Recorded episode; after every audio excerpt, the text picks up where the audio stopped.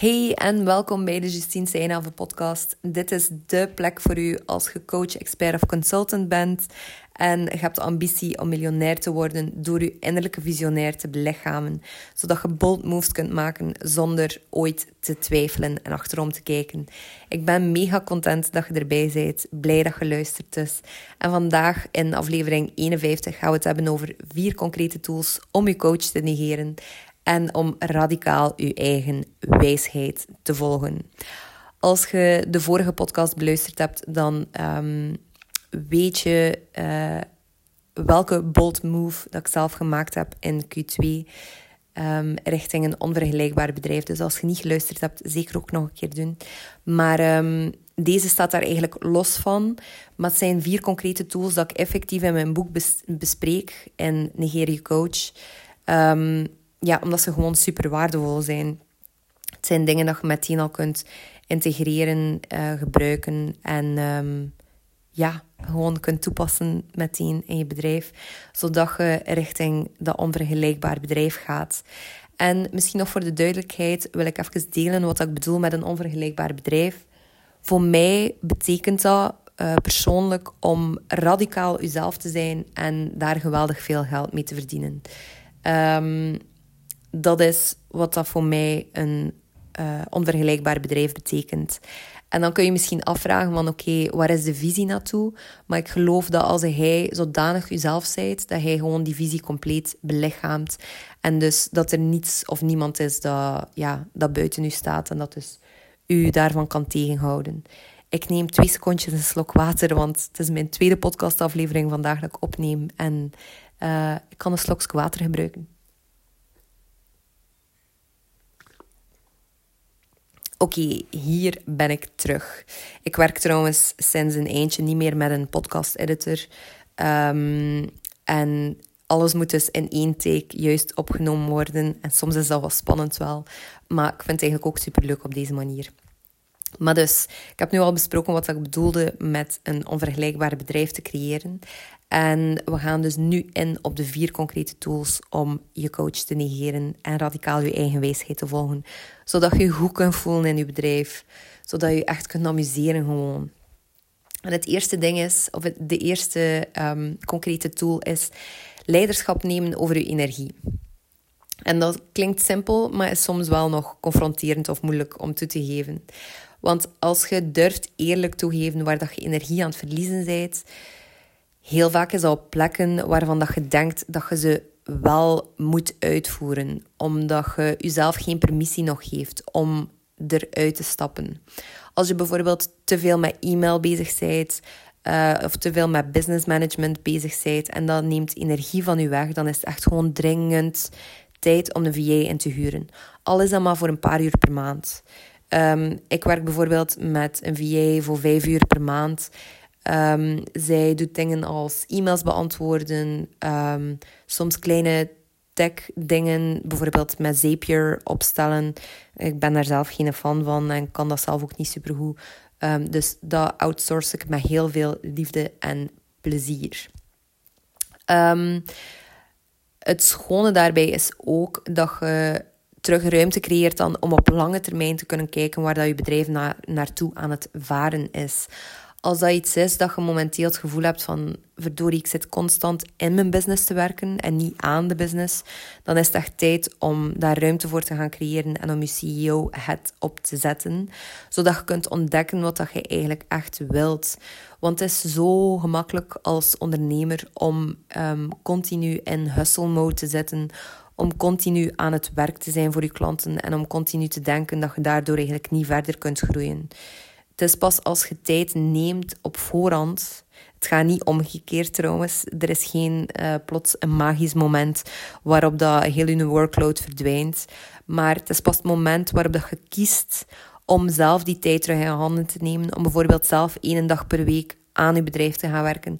Dat het ook effectief gaat gebeuren. En dat er ook effectief verschuivingen gaan komen. En dat je ook gelukkiger gewoon gaat zijn. Want je gaat veel meer op lange termijn kijken naar...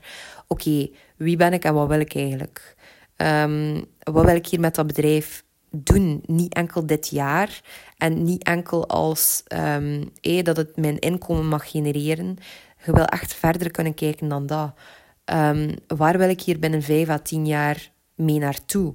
Als bijvoorbeeld uw ambitie is om miljonair te worden, hoe ziet dat eruit? Want eh, eerlijk, je gaat je niet kunnen kapot werken totdat je miljonair bent. Um, de, de les is veel eerder om net een stap terug te kunnen nemen. En veel beter te kunnen observeren en slimmere keuzes soms te kunnen maken dan uh, hardcore all-in continu aan het werken zijn. Ook al vind je je werk belangrijk en doe je je werk graag, die twee hoeven elkaar ook niet uit te sluiten trouwens. Uw liefde voor uw werk komt veel meer tot zijn recht als je durft stappen terugnemen.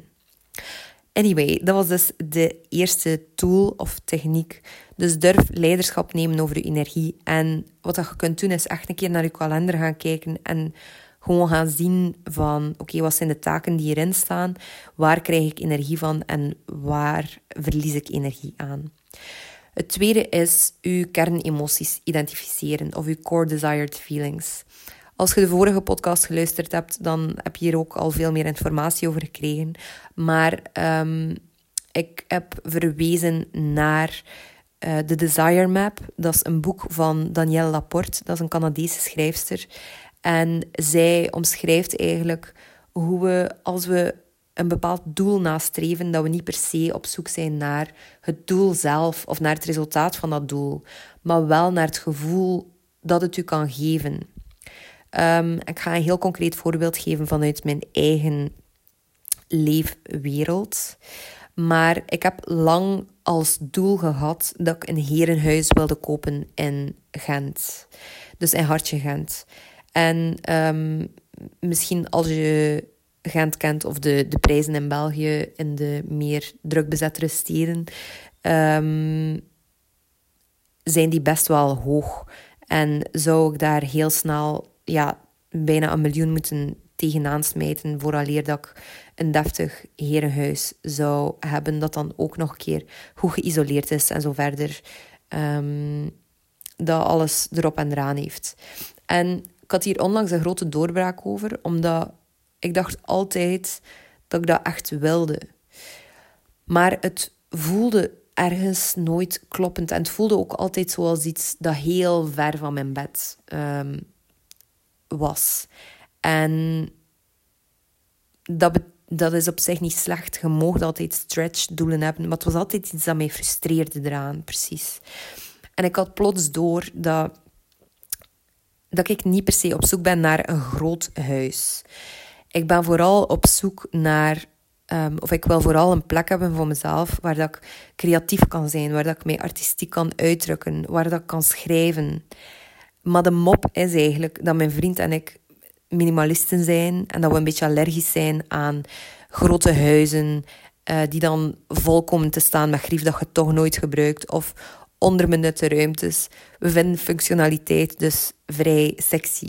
En als je erover nadenkt, wij zijn maar met twee, dus als ik een huis zou hebben, zou ik wel graag ook een kat. maar um, zou, zouden er gewoon superveel ruimtes onder benut zijn. Want ja, wat hebben wij nodig? Los van elke werkruimte en een slaapkamer en een, een keuken. Allee, het hoeft helemaal zo groot eigenlijk niet te zijn. En ik heb dat dus doorgekregen omdat ik mijn core desired feelings geïdentificeerd had. Ik wil mij gewoon artistiek voelen. En dat herenhuis stond voor mij symbolisch voor artistiek zijn. Maar ik heb daar helemaal niet zo'n groot huis voor nodig. Dus het fijne is dat um, het boek van Danielle Laporte u toelaat om na te denken over of dat uw doel wel effectief aligned is met het gevoel dat je wilt krijgen. Want iets anders dat heel belangrijk is voor mij, is gewoon financieel slimme keuzes maken. En ik vind, eerlijk gezegd, um, als je er anders over denkt, laat het mij zeker weten, want ik sta altijd open voor andere perspectieven. Maar voor mij persoonlijk houdt het geen steek om geweldig veel geld te steken in een huis. Um, want mijn grootste focus is momenteel mijn bedrijf. Ik wil mijn geld kunnen herinvesteren in mijn bedrijf. Ik wil kunnen beleggen. Um, en op lange termijn zo um, interest genereren. Dus ik wil vooral heel lean manieren vinden om geld te verdienen en te beleggen en te investeren. En een, um, een, een groot huis kopen is daar dus geen deel van. Dus mijn uitnodiging naar u is om dieper te gaan duiken naar de gevoelens waar dat je eigenlijk naar verlangt als je nadenkt over je doelen. Um, zeker bij materiële dingen bijvoorbeeld. En dat kan enorm waardevol zijn. Um, doelen kunnen op een bepaalde manier soms ook een beetje verdovend voelen.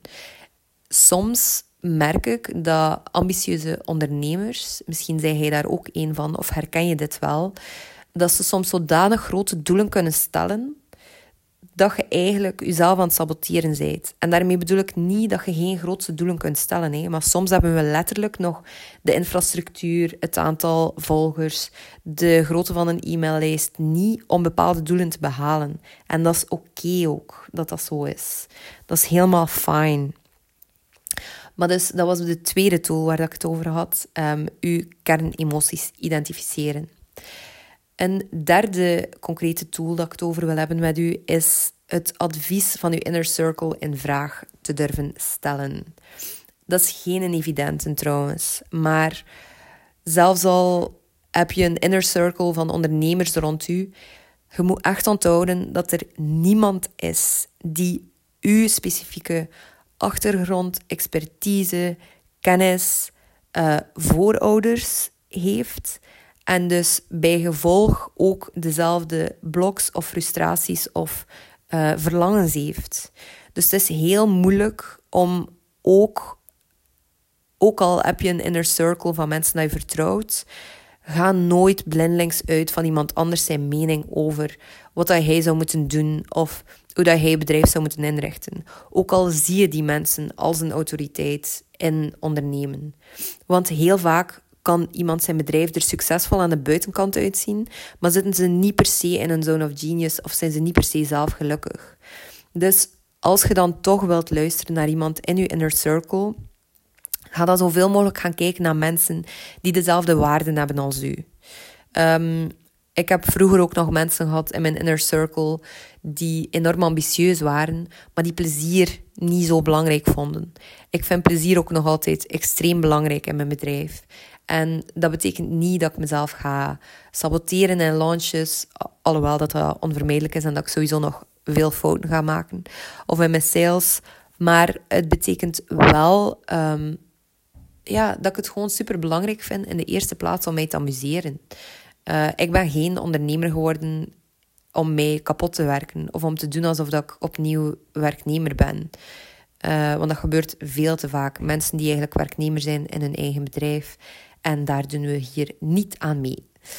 Um, dus dat was de derde tool om ook het advies van uw inner circle in vraag te durven stellen. Omdat het iets is waar dat we vaak over kijken. Soms gaan we zodanig blindelings uit van wat dat uw peers aan het doen zijn, of wat dat ze denken, of wat dat ze van u vinden.